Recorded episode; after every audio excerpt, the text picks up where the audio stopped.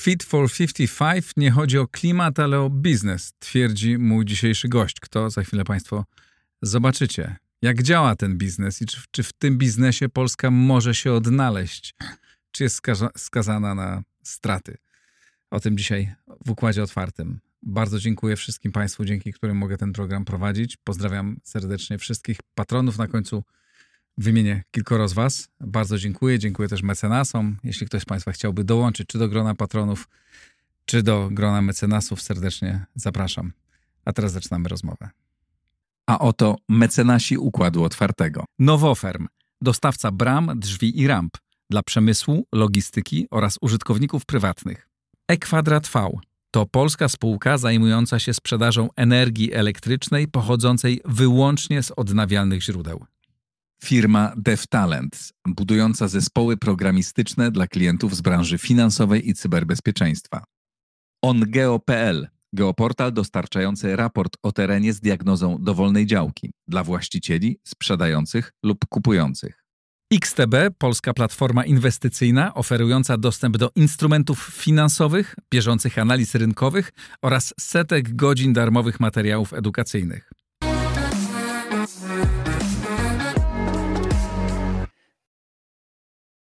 Jakub Wiech, redaktor naczelny Energetyka24. Dzień dobry. Dzień dobry. Twierdzisz, że Fit for 55 to tylko biznes. Nic, nic więcej? Nie tylko, ale Aha. przede wszystkim. To znaczy, y, wielką skazą polskiej debaty na temat polityk klimatycznych jest to, że my spłycamy tę całą materię y, i przepychamy się w zakresie tego, na przykład, czy w Polsce była zimna majówka i to jest dowód przeciwko globalnemu ociepleniu, czy to jest jakiś spisek globalnych komunistów i, i tak dalej, i tak dalej. To wszystko wygląda z perspektywy człowieka, który jakoś bardziej się zajmuje tymi tematami bardzo śmiesznie, natomiast niestety jest to mainstream dyskusji w Polsce, podczas gdy w innych krajach Europy... No, mainstream to nie przesadzałbym, No może faktycznie, jest. ale w dużej mierze cały czas powracają te wątki mhm. Y, i y, to sprawia, że tracimy pewne szanse. Szanse rozwojowe, bo jak tutaj wspomnieliśmy, Fit for 55, ale każda mm, polityka klimatyczna świata to są przede wszystkim polityki gospodarcze. One mają na celu przebudowę gospodarki tak, żeby była dostosowana do nowego paradygmatu, paradygmatu, który wyznacza to zjawisko, o którym wiemy bardzo dobrze, że zachodzi w naszej atmosferze, czyli właśnie globalne ocieplenie, szerzej mówiąc zmiana klimatu. I na tej podstawie, na tej e, dobrze ugruntowanej przez fizyków e, podstawie, toczą się teraz pewne działania zmierzające do tego, żeby wyhamować to zjawisko i jednocześnie, żeby dalej móc rozwijać e, gospodarkę światową, ale też poszczególnych, e, poszczególnych państw. Ugruntowano wśród większości, powiedziałbym, naukowców, bo nie wszystkich, no są tacy, którzy z ale tym żaden, polemizują. Żaden z tych, którzy polemizują, nie przedstawił fizycznych dowodów przeciwko teorii antropogenicznego globalnego ocieplenia. Zdarzają się głosy przeciwne, takie jak na przykład e, Richard Lindzen, który wielokrotnie mówi, że to jest wszystko ściema, ale on nigdy nie, nie mówi tego językiem naukowym. Znaczy on się wypowiada publicystycznie. Głównie na, w, w, w łamach niektórych mediów, ale na przykład konfrontując się z Jamesem Hansenem, czyli taką legendą klimatologii, już jakiś czas temu, bo w latach 80., 90., e, okazało się, że Lindzen nie ma racji. Znaczy, prognozy Lindzena i prognozy Hansena się zupełnie rozjechały. E, rzeczywistość przyznała rację Hansenowi. Natomiast e, to, to jest oczywiście taki przykład, ale ta debata, jeżeli chodzi o grunt nauki, o grunt teorii naukowej, bo mówimy tutaj o teorii naukowej, jest już właśnie pod tym względem domknięta. Znaczy, wiemy, co się dzieje w naszej atmosferze, wiemy, co z tym robić, wiemy, dlaczego tak się dzieje i jakie są z tego konsekwencje. No i na pewno decyzje w tej sprawie już zapadły. Nawet jeżeli ktoś się ciągle z tym może nie zgadzać, to i tak już świat poszedł w tym kierunku, że wiele działań będzie prowadzonych na rzecz tego, żeby ograniczyć e, skutki działań człowieka i e, no i takie pakiety, takie rozwiązania jak Fit for 55, które są bardzo radykalne, e, dla części akceptowalne, dla części kontrowersyjne będą wdrażane. No i rozumiem, że cały biznes przestawia się na to, żeby, dobrze, to teraz spróbujmy na tym jak najlepiej zarobić i dostosować się do tego tak, żeby to, żeby to nieźle działało. To jakie są założenia tego biznesu? Założenia są bardzo proste. Znaczy, budujemy ekonomię na podstawie nowej zasady. Kto emituje, ten płaci. Kto emituje mhm. dużo, płaci dużo, czyli ponosi wyższe koszty swojej działalności. Kto I wprowadzili, mało, żeby jasne, wprowadzają to ci, którzy emitują mniej, im się to będzie bardziej opłacać. Wprowadzają to ci też, którzy emitują bardzo dużo, bo na przykład e, największym, e, że tak powiem, sponsorem światowych polityk klimatycznych, czyli krajem, który ła, łoży najwięcej na politykę klimatyczną na całym świecie, są Chiny. Chiny, które odpowiadają za prawie jedną trzecią światowych emisji. E, I w zeszłym tylko roku wydały na cel polityk klimatycznych kwotę 546 miliardów dolarów. To, jest, to są ogromne pieniądze, władowane Mhm. tylko w ciągu jednego roku przez jedno państwo, czyli przez Chiny. To jest około 50% światowych wydatków na ten cel. Więcej niż Unia Europejska i Stany Zjednoczone wydały e, w, na politykę klimatyczną razem wzięte. Więc to jest tak, że y, istnieje cała paleta państw, które zdecydowały się już walczyć ze globalnym ociepleniem i to jest też bardzo ważny wniosek, którego, e, w, który często umyka w polskiej debacie publicznej, mianowicie gospodarki odpowiada- odpowiadające za około już prawie 90% światowych emisji zadeklarowały swoje cele neutralności klimatycznej. I one Rozumiem, że w przypadku Chin nie jest to wynik tego, że chińska opinia publiczna jest tak bardzo entuzjastyczna, jeśli chodzi o działania prośrodowiskowe, tylko jest to po prostu decyzja biznesowa. Świat będzie szedł w tym kierunku, w związku z tym my jako Chiny musimy to nadgonić. Tak, to jest w dużej mierze właśnie decyzja, bo decyzja podyktowana tym, co się stało w międzyczasie w Europie i Stanach Zjednoczonych. Tam e, wprowadzono pewne normy środowiskowe, normy klimatyczne, do których Chiny się teraz dostosowują. One na przykład prowadziły w 2021 roku swój własny system handlu emisjami, wzorowany na europejskim i ten system funkcjonuje i ma zamiar, e, ma- cel e, zmienić zupełnie oblicze chińskiej energetyki. To już się dzieje. Jeżeli spojrzymy na to, kto jest liderem w energetyce jądrowej i w energetyce odnawialnej na świecie, to są to Chiny. Jeżeli spojrzymy na to oczywiście też, kto jest liderem w energetyce węglowej, to to również są Chiny. Ale te nowe bloki węglowe w państwie środka powstają już e, nie po to, żeby poszerzać istniejący tam ogromny park e, jednostek wytwórczych na węglu, tylko po to, e, żeby zastępować stare elektrownie węglowe nowymi. I w ten sposób paradoksalnie też zmniejsza się emisja, bo te nowe bloki węglowe są wydajniejsze i są mniej emisyjne niż te stare, chociaż oczywiście to jest cały czas bardzo wysoki e, poziom intensywności emisji. Natomiast Chiny bardzo reaktywnie tutaj podeszły do sprawy i zauważyły, że w pewnej perspektywie, powiedzmy następnych 20-30 lat, są w stanie utracić pewne zdolności konkurencyjne, jeżeli nie zrobią to, tego, co się dzieje teraz na rynku Europy czy Stanów Zjednoczonych. Bo wiele firm nie będzie korzystać z usług czy z e, półproduktów e, em, produkowanych przez firmy, które emitują zbyt wiele. Te firmy dalej będą mogły korzystać oczywiście z Mm. produktów chińskich, ale te produkty będą dociążone odpowiednimi kosztami, na przykład takimi, jakie wynikają z e, tak zwanego CBAM, czyli Carbon Border Adjustment Mechanism, e, rozwiązania, które teraz wdraża Unia Europejska, polegająca, e, polegającym na tym, żeby wprowadzić tak zwane cło węglowe, czyli po prostu, żeby określona kategoria produktów była dociążona takim właśnie cłem opłacanym na, na granicy, w, zależnym od intensywności emisji gospodarki, z w której te produkty zostały wytworzone. W przypadku Chin byłoby to bardzo istotne obciążenia, więc tutaj gospodarka chińska mogłaby tracić swoje przewagi konkurencyjne, które teraz wynikają właśnie z tego, że tam praca jest tania, że tania jest, tania jest produkcja i to pozwala Chińczykom e, e, rywalizować na, na rynku międzynarodowym, ale to się może skończyć właśnie w ramach wprowadzenia tych mechanizmów, które są teraz dyskutowane na przykład w Brukseli. Mhm. A jak sobie radzi z tym niemiecki przemysł e, e, samochodowy? No bo przecież to jest ten przemysł, który jakby no, opiera się właśnie na tym wszystkim, co, co brudne i, i, i, i, sm- i smrodzące, a mimo tego Niemcy jakby są w tym procesie bardzo mocno zaawansowane. I tu jest bardzo ciekawy przykład, e, bowiem niemiecki przemysł samochodowy, ale w ogóle europejski przemysł moto- motoryzacyjny, to był jeden z głośniejszych aktorów na rzecz wprowadzenia zakazu rejestracji samochodów spalinowych po 2035 roku. No to były właśnie. te, te przedsiębiorstwa, które mówiły najgłośniej, że zamierzają się przestawić na produkcję samochodów elektrycznych e, i nie chcą już dalej rozwijać na przykład swoich e, projektów silników diesla. I takie kroki są już podejmowane. Y, I tutaj zachodzi natomiast inny problem, bo jeżeli spojrzymy na ostatnie wypowiedzi szefa Volkswagena, to widzimy tam, że e, niemiecki przemysł motoryzacyjny coraz przychylniej patrzy na Stany Zjednoczone. E, I e, Volkswagen mm, rzucił w media taki komunikat, że rozważa z, budowę nowej fabryki baterii do samochodów elektrycznych nie w Niemczech, nawet nie w Unii Europejskiej, tylko w Stanach Zjednoczonych. Wynika to z tego, że Stany Zjednoczone w, niedawno wdrożyły tak zwany IRA, czyli Inflation Reduction Act, coś, co można nazwać z pewnym takim y, zastrzeżeniem amerykańskim Fit for 55. To jest ogromna polityka w dużej mierze klimatyczna, ale przede wszystkim właśnie gospodarcza, która ma za zadanie przyciągnąć te tak zwane zielone etaty, czyli miejsca pracy w nowych technologiach wspierających y, politykę klimatyczną właśnie do Stanów Zjednoczonych. I to prawdopodobnie zagrało w przypadku fabryki Volkswagena. E, I e, e, szef tego koncernu mówi wprost, że m, myślimy nad fabryką w USA z tego względu, że Amerykanie dają nam bardzo istotne subsydia, dają- nam e, pewne e, możliwości finansowe, jeżeli chodzi o opodatkowanie i tak dalej. E, I to jest atrakcyjne. I rozpoczyna się na naszych oczach pewnego rodzaju bój, pewnego rodzaju konkurencja o te zielone miejsca pracy, o możliwości rozwoju tej zielonej gospodarki. To jest bardzo brutalna rozgrywka. I my niestety w tym, jako Polska, nie do końca uczestniczymy. Jeszcze zanim dojdziemy do Polski, to o tych Niemczech i niemieckim przemyśle samochodowym, bo do końca nie rozumiem.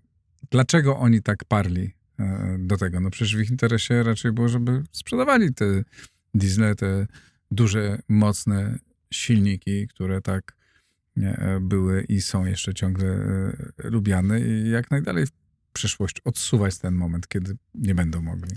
I oni dalej będą to robili, bo jeszcze przynajmniej przez e, te e, 12 lat można cały czas w Unii Europejskiej rejestrować e, nowe samochody z silnikami spalinowymi. Ale dlaczego im zależało na, dlaczego jakby oni popierali ten wcześniejszy Bo to Tak, też jest biznes. znaczy, Mhm. nowe samochody elektryczne mm, ma, mają większą marżę niż samochody Mhm. spalinowe. Dzięki temu można zarabiać więcej po prostu. I widzimy to na przykład na przykładzie Tesli, która ostatnio zrezygnowała z dużej części swojej marży, obniżyła cenę e, samochodów, e, żeby nadrobić wyniki sprzedażowe e, i e, doprowadzono do tego, że cena nowego samochodu Tesla Model 3 w Stanach Zjednoczonych na początku tego roku zrównała się ze średnią ceną nowego samochodu spalinowego. To pokazuje, jak za pomocą właśnie redukcji y, w, w zysków koncernu, ale nastawionych na, na, na większą liczbę sprzedanych egzemplarzy, można doprowadzić do takiego urealnienia cen samochodów elektrycznych i to jest też pokazuje, pokazuje to miejsce w cenie auta, które można tutaj w jakiś sposób, y, którym można manewrować. No tak, ale ceny aut, rozumiem, elektrycznych ciągle były wspomagane przez państwa. I są, i będą jeszcze Mhm. pewnie bardzo długo. Nie tyle może, jeżeli chodzi o jakieś bezpośrednie dopłaty, bo one powoli też tanieją, już zrównują się z,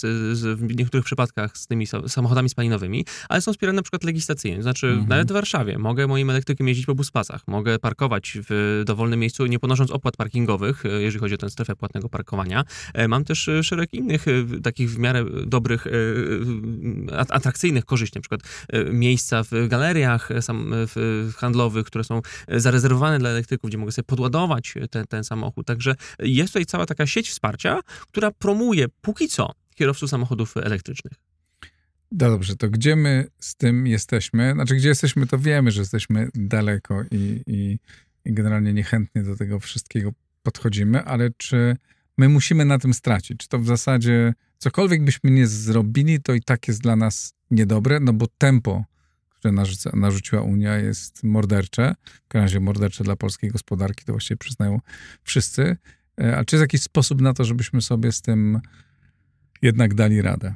Jest taki sposób, znaczy jest bardzo wiele sposobów. Przede wszystkim e, w takim, taką uniwersalną receptą na problemy naszej gospodarki w tym, w tym momencie jest dekarbonizacja. I to już następuje. Mhm. To znaczy mamy już dosyć e, jasne komunikaty ze strony spółek i ze strony rządu, że polską energetykę trzeba zmieniać. Pytanie tylko o czas, znaczy o harmonogram tej, tejże zmiany, bo tego, że trzeba coś zrobić, już nikt nie kwestionuje, nawet Tak. nie tyle z przyczyn klimatycznych, co ze względu na to, że polska energetyka, ten jej węglowy trzon się po prostu sypie. To są głównie bloki budowane jeszcze za czasów rządów Edwarda Gierka, bloki 50-letnie w tym momencie około, przy czym e, czas projektowy takiego bloku, czyli jego żywotność e, projektowa, to jest właśnie około 50 lat. E, I to pokazuje, że no my musimy już zastępować czymś te moce, bo one po prostu dożywają do tego momentu, po którym miały być wyłączane i zastępowane czymś nowym. No albo nową kopalnią.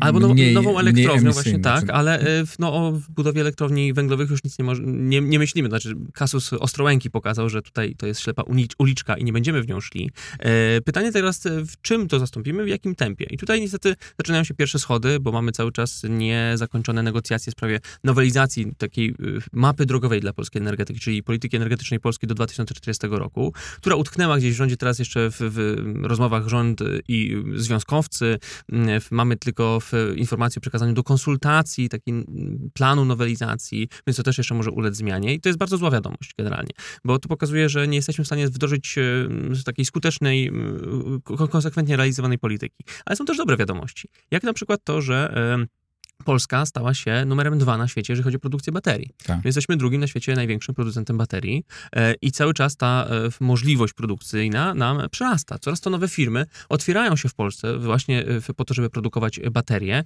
i my możemy na tym zrobić kolosalne pieniądze. Możemy na tym zrobić prężny sektor, który będzie nam napędzał gospodarkę w, przez całe dekady. Już teraz wartość tego przemysłu w Polsce to jest około 40 miliardów złotych i tych, tej wartości tylko przybywa, więc jest to nasza ogromna szansa. To też można e, jakby wykorzystać jako przytyk do dyskusji na temat przeniesienia akcentów e, elektromobilności z produkcji samochodów, czyli tej naszej nieszczęsnej Izery, na e, w produkcję baterii. Bo my w tym naprawdę jesteśmy dobrzy, w, w produkcji baterii, to znaczy przyciągamy inwestorów w tym zakresie i z tego powinniśmy bardzo korzystać. Dlaczego Izera jest nieszczęsna?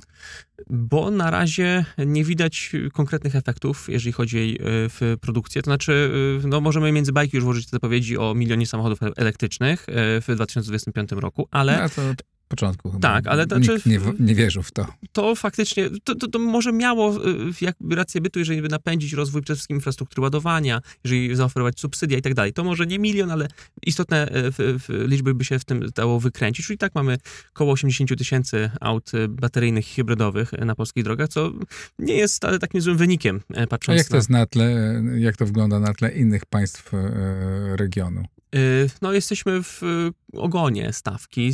Jeżeli patrzymy na tą Europę e, środkową i przeliczymy to na, na e, w liczby na tysiąc mieszkańców. Mhm. No, dla porównania, na przykład taka Holandia, kraj dwukrotnie, ponad dwukrotnie mniejszy liczebnościowo od Polski, jeżeli chodzi o liczbę ludności, e, ma 335 tysięcy samochodów elektrycznych e, u siebie, no, ale ma też właśnie 500 tysięcy punktów ładowania.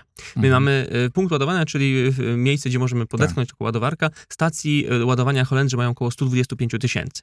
Na znacznie mniejszym A u nas powierzchni, a u nas stacji ładowania jest e, 2700. Mhm. Więc to pokazuje różnicę, e, jeżeli chodzi o podejście. Tutaj kluczem jest infrastruktura, ale samochody elektryczne to jest moim zdaniem coś, co... w- Na czym Znaczy, teraz... budowa- opłaca się budowanie stacji ładowania? Czy to jest zyskowny biznes? No bo jeśli zyskowny, no to powstaną, e, jeśli będzie zapotrzebowanie. to się będzie coraz bardziej opłacać, będzie tych samochodów Mm. przybywać. Natomiast e, w, tak jeszcze wracając do Izery, to samochody elektryczne oczywiście ja się bardzo cieszę, że takie projekty są rozwijane, chociaż szczerze mówiąc bardziej bym liczył na to, że Polska akurat wyjdzie z szeroką produkcją autobusów elektrycznych, bo to robiliśmy jeszcze przed Izerą i Mhm. cały czas to robimy i też jesteśmy w tym całkiem nieźli. Ale e, w elektromobilności moim zdaniem troszeczkę te akcenty zostały postawione zupełnie na, na złych polach, bo w, s- transformacja transportu, mówiąc szeroko, to jest coś, co czeka nas dopiero za kilkanaście lat. Tak naprawdę przez najbliższe kilka mm, lat się tutaj dużo nie zmieni. Te zmiany będą ob- obserwowane bardzo stopniowo. E, I Unia Europejska też to mówi, zos- zos- zostawiając sobie takie tylne wyjścia do na przykład rewizji tych planów w zakresie zakazu rejestracji samochodów elektrycznych po e, 2035 roku. To pierwsza rewizja ma nastąpić w 2026 roku, więc e, to jest e, sektor, który naprawdę powinniśmy traktować z dużym dystansem. Skupmy się teraz na energetyce, bo to jest coś, co zagraża nam już teraz e, i co może powodować w nieodległej przyszłości, zaledwie kilku lat, poważne problemy naszej gospodarki. A co powinniśmy wobec tego zrobić, żeby to, no żebyśmy za że 2035 no nie jest, czy to, nie są takie bardzo odległe e, e, lata. Co powinniśmy zrobić, żeby nasza gospodarka zyskiwała? Znaczy, co jest realne jeszcze do zrobienia? Realne jest bardzo dużo rzeczy. To znaczy, e, w, widzimy po ostatnich miesiącach, że pieniądze w energetyce nie są dużym problemem. W sensie, ja mówię to, wiem, że to może być kontrowersyjnie e, zabrzmieć, aczkolwiek jeżeli jesteśmy w stanie jako państwo Znaczy, co wyciągnąć... takiego widzimy w ostatnich miesiącach? Co, pan, co w ciągu ostatnich miesięcy, dokładnie 18, wyciągnęliśmy na rynek energii e, kwotę około 160 miliardów złotych. I wrzuciliśmy to w dużej mierze, e, nie patrząc na efektywność i państwo podołało. E, Zupełnie w sposób nierynkowy, e, posiłkując się oczywiście funduszami przykład ze spółek e, pobranymi za pomocą pewnych mecha- mechanizmów sprawiedliwościowych. Natomiast ta ogromna kwota pieniędzy, równowartość w zasadzie polskiego programu jądrowego została utopiona w rynku energii bardzo szybko, żeby chronić odbiorców przed kryzysem energetycznym, co jest oczywiście celem słusznym. Ale tutaj powinna też wejść pewna efektywność wydatkowania i na przykład jeżeli spojrzymy na to, jak zostało rozpracowane wsparcie odbiorców węgla kamiennego, to mam duże wątpliwości co do efektywności w tym zakresie. Uważam, że tej efektywności tam nie było. Mogliśmy część tych pieniędzy po prostu zaoszczędzić. Natomiast jeżeli spojrzymy na to, jak można finansować polską transformację energetyczną, to widzimy, że Źródeł finansowania jest naprawdę bardzo dużo i one są, e, można powiedzieć, e, w, na różnych poziomach. Przede wszystkim oczywiście patrzymy na poziom unijny i stamtąd płyną ogromne środki. Nawet sam system handlu emisjami można traktować jako ogromny środek do transformacji polskiej energetyki, bo te pieniądze, które Polska e, uzyskuje dzięki sprzedaży uprawnień do emisji, one wracają do budżetu państwa i dzięki nim można finansować właśnie inwestycje w nowe mocy, czy w sieci, czy w efektywność energetyczną. I w, tutaj pieniądze nie są problemem. Problemem jest konsekwencja. I tego nam najbardziej brakuje w polskiej energetyce. Brakuje nam tego, żeby wreszcie rozplanować sobie przeprowadzoną przez e, kilka rządów transformację, która idzie do tego samego celu w tym samym tempie, bez e, potknięć po drodze, tak dużych, jak obserwujemy w ciągu ostatnich kilkunastu lat. Jeżeli to zrobimy, jeżeli uda nam się, na, powiedzmy na tej płaszczyźnie do 2035 roku, czyli przez te 12 lat, budować polską energetykę w sposób konsekwentny, bez względu na zawirowania polityczne i jeżeli uda nam się e, obniżyć intensywność emisji w ten sposób z polskiej gospodarki, to wszystko jest możliwe cały czas, leży to na stole, to będziemy w bardzo dobrej sytuacji e, i będziemy w stanie konkurować w tej wielkiej grze o gigantyczne pieniądze, które leżą na stole. No ale z tego, co y, słychać, jak się przegląda media i się przygląda, słucha się głosów tych e, szefów państwowych czy spółek z udziałem Skarbu Państwa, tak, energetycznych, no to wszyscy mówią o tym, o transformacji, wszyscy są do tego przekonani, zapowiadają kolejne inwestycje. Rozumiem, że to jest ciągle zbyt mało to jest zbyt mało, bo za tymi deklaracjami czasami niewiele idzie. E, i, no Ale atmosfera bardzo się zmieniła. Atmosfera się zmieniła, do tego, co było, nie wiem, trzy lata temu. Tak, nie, to bez wątpienia. Jeżeli spojrzymy na, na przykład na to, co się działo 10 lat temu, to już zupełnie mówimy o dwóch tak. różnych światach, dwóch różnych hmm. Polskach. I to jest niewątpliwie progres. Z tym, że ten progres nie, nie, nie, niekoniecznie się przełożył jeszcze na konkretne decyzje inwestycyjne i z tym mamy pewien problem. E, I widzimy to na przykład na kanwie dyskusji o wiatraki w Polsce. Znaczy w, hmm. wszystko szło w kierunku liberalizacji, mieliśmy tam e, ogłoszenie ze strony nawet premiera, że ten taniej energii z wiatru potrzebujemy. Natomiast ostatecznie rozbiło się to na pracach komisji sejmowej, która zmieniła na ostatniej prostej rygory odległościowe, e, czy wywołała też konsternację u inwestorów, no bo nie okłamujmy się, że rynek widzi, jaka jest stabilność prawa w Polsce i jak to wpływa na inwestycje i reaguje w, w odniesieniu do tego. Natomiast e, faktycznie dużo się zmieniło i idziemy w tym kierunku. E, zwłaszcza tutaj widzę postępy przede wszystkim w energetyce wiatrowej na morzu, czyli nie tej lądowej, która została odblokowana niedawno, tylko tej, tej, tej morskiej. E, I to może być faktycznie koło napędowe naszej gospodarki w najbliższych latach e, i z tym wiąże bardzo duże nadzieje. Natomiast znacznie gorzej nam idzie, jeżeli chodzi już o sektor na przykład e, w zastępowania bloków węglowych e, w nowymi mocami w, w, w różnych miejscach w kraju, w bo to sam offshore tego nie rozwiąże. Tutaj musimy mieć pewien synchronizowany plan e, działania na kilku kierunkach, nie tylko na budowie nowych mocy, ale też na zwiększaniu efektywności energetycznej, marginalizowaniu strat sieciowych wynikających ze złego stanu sieci e, i też niestety cały czas e, niezwykle wolno poruszają się prace na e, polu e, programu jądrowego. E, atomu w Polsce cały czas nie ma i zaświecą szukać konkretniejszych decyzji. Mam tak naprawdę jedną decyzję potwierdzoną przez Radę Ministrów, decyzję o udziale partnera amerykańskiego w jednej lokalizacji i tyle. I to jest cały nasz projekt jądrowy. Z czego to w zasadzie wynika? Przecież wszyscy w Polsce w zasadzie trudno znaleźć przeciwników poza jakimś marginesem. Wszyscy są za obóz rządzący od dawna mówi, że jest e, za, że to robi. No, są zapowiedzi, tak, tych SMR-ów, e, no, budowanie elektrowni. Gdzie, gdzie jest, e, gdzie jest problem? I to jest doskonałe pytanie, bo faktycznie, jeżeli spojrzymy na przykład na scenę polityczną w polskim Sejmie, to w zasadzie na palcach jednej ręki dałoby się policzyć posłów, posłanki, które są przeciwko energetyce tak, jądrowej. W sprawie węgla można tak, tam się... W sprawie węgla ten... faktycznie można się kłócić, ale w sprawie atomu wszyscy tak, są za. Tak. I od zawsze byli. I od, no przynajmniej od bardzo dawna, tak? tak? Ale, ale e, faktycznie, i jeżeli spojrzymy na tą masę krytyczną, która się wytworzyła w polskiej polityce, to powinniśmy zakładać, że atom powstanie bardzo szybko. No ale tutaj moim zdaniem wchodzi słabość instytucjonalna polskiego państwa. To znaczy to, mhm. że my nawet jeżeli sobie tworzymy jakieś strategie, to ich nie realizujemy i tak było właśnie z pierwszą wersją polityki energetycznej energetycznej Polski do 2040 roku, która już w momencie przyjęcia była nieaktualna e, i też e, dużo się rozbija o pewne nasze umiejętności negocjacyjne. No bo tajemnicą Poliszynela jest, że negocjacje z Amerykanami gdzieś tam w pewnym momencie utknęły i długi czas nie można było ich rozwiązać. E, teraz do tego doszedł spór amerykańsko-koreański w sprawie przekazania technologii, a Polska chce jako Koreańczyków wykorzystać od budowy drugiej e, elektrowni jądrowej w naszym kraju. Nierozwiązaną kwestią jest też sprawa trzeciej elektrowni jądrowej, którą ponoć mieli nam budować Francuzi. Teraz nie wiadomo, czy to będą oni, ale wysyłaliśmy sygnały do Paryża, sygnały bardzo jasne, polityczne, e, ukierunkowane na taki właśnie e, w, w jakieś badanie gruntu w sprawie tej, tego, tego atomu. Chyba nie, nie spotkały się albo z zauważeniem, albo z odpowiednią odpowiedzią. E, i... Chociaż teraz się z, jakby z wiatr z Francji wieje taki cieplejszy w kierunku Europy I Środkowej może, i Polski. Tak, i być może to się przełoży na, e, na te nasze w, w, elektrownie jądrowe, aczkolwiek e, no, decyzji cały czas nie ma. Myślę, że tutaj też się kłania pewne myślenie kadencyjne, niechęć przed podejmowaniem e, pewnych wiążących deklaracji w dość niepewnej cały czas atmosferze politycznej, no i też pewien strach przed zobowiązaniami wynikającymi już z konkretnych umów i jest odraczanie. Jest odraczanie hmm. pewnych, pewnych kroków, jest odraczanie decyzji. One oczywiście się dzieją, te procesy się toczą, ale bardzo wolno. Jeżeli spojrzymy na to, co się stało przez ostatnie 8 lat rządów Zjednoczonej Prawicy, jeżeli chodzi o dyskusję w sprawie atomu, no to nie wydarzyło się tak dużo, jakbyśmy chcieli. Y, przez ten czas można było już zacząć budowę elektrowni jądrowych i tego niestety nie zrobiono, zwłaszcza, że warunki ekonomiczne, warunki polityczne, ten sam rząd i ten sam prezydent, powiedzmy, od jednego obozu, no były doskonałe.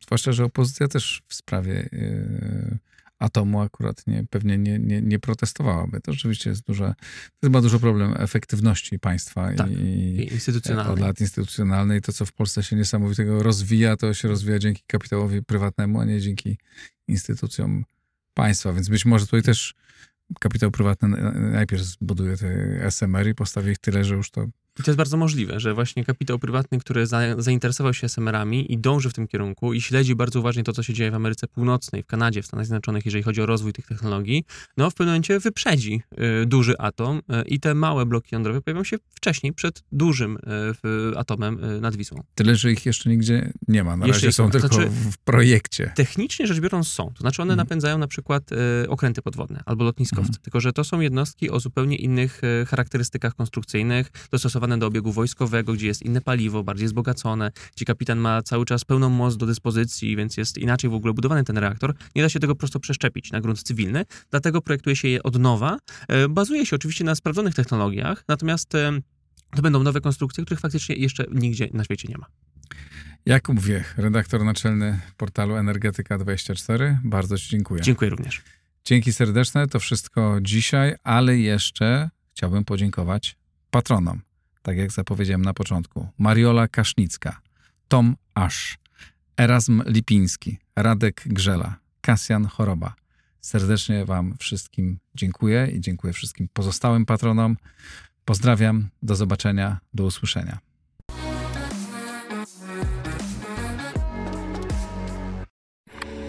Nagraj to w blisko.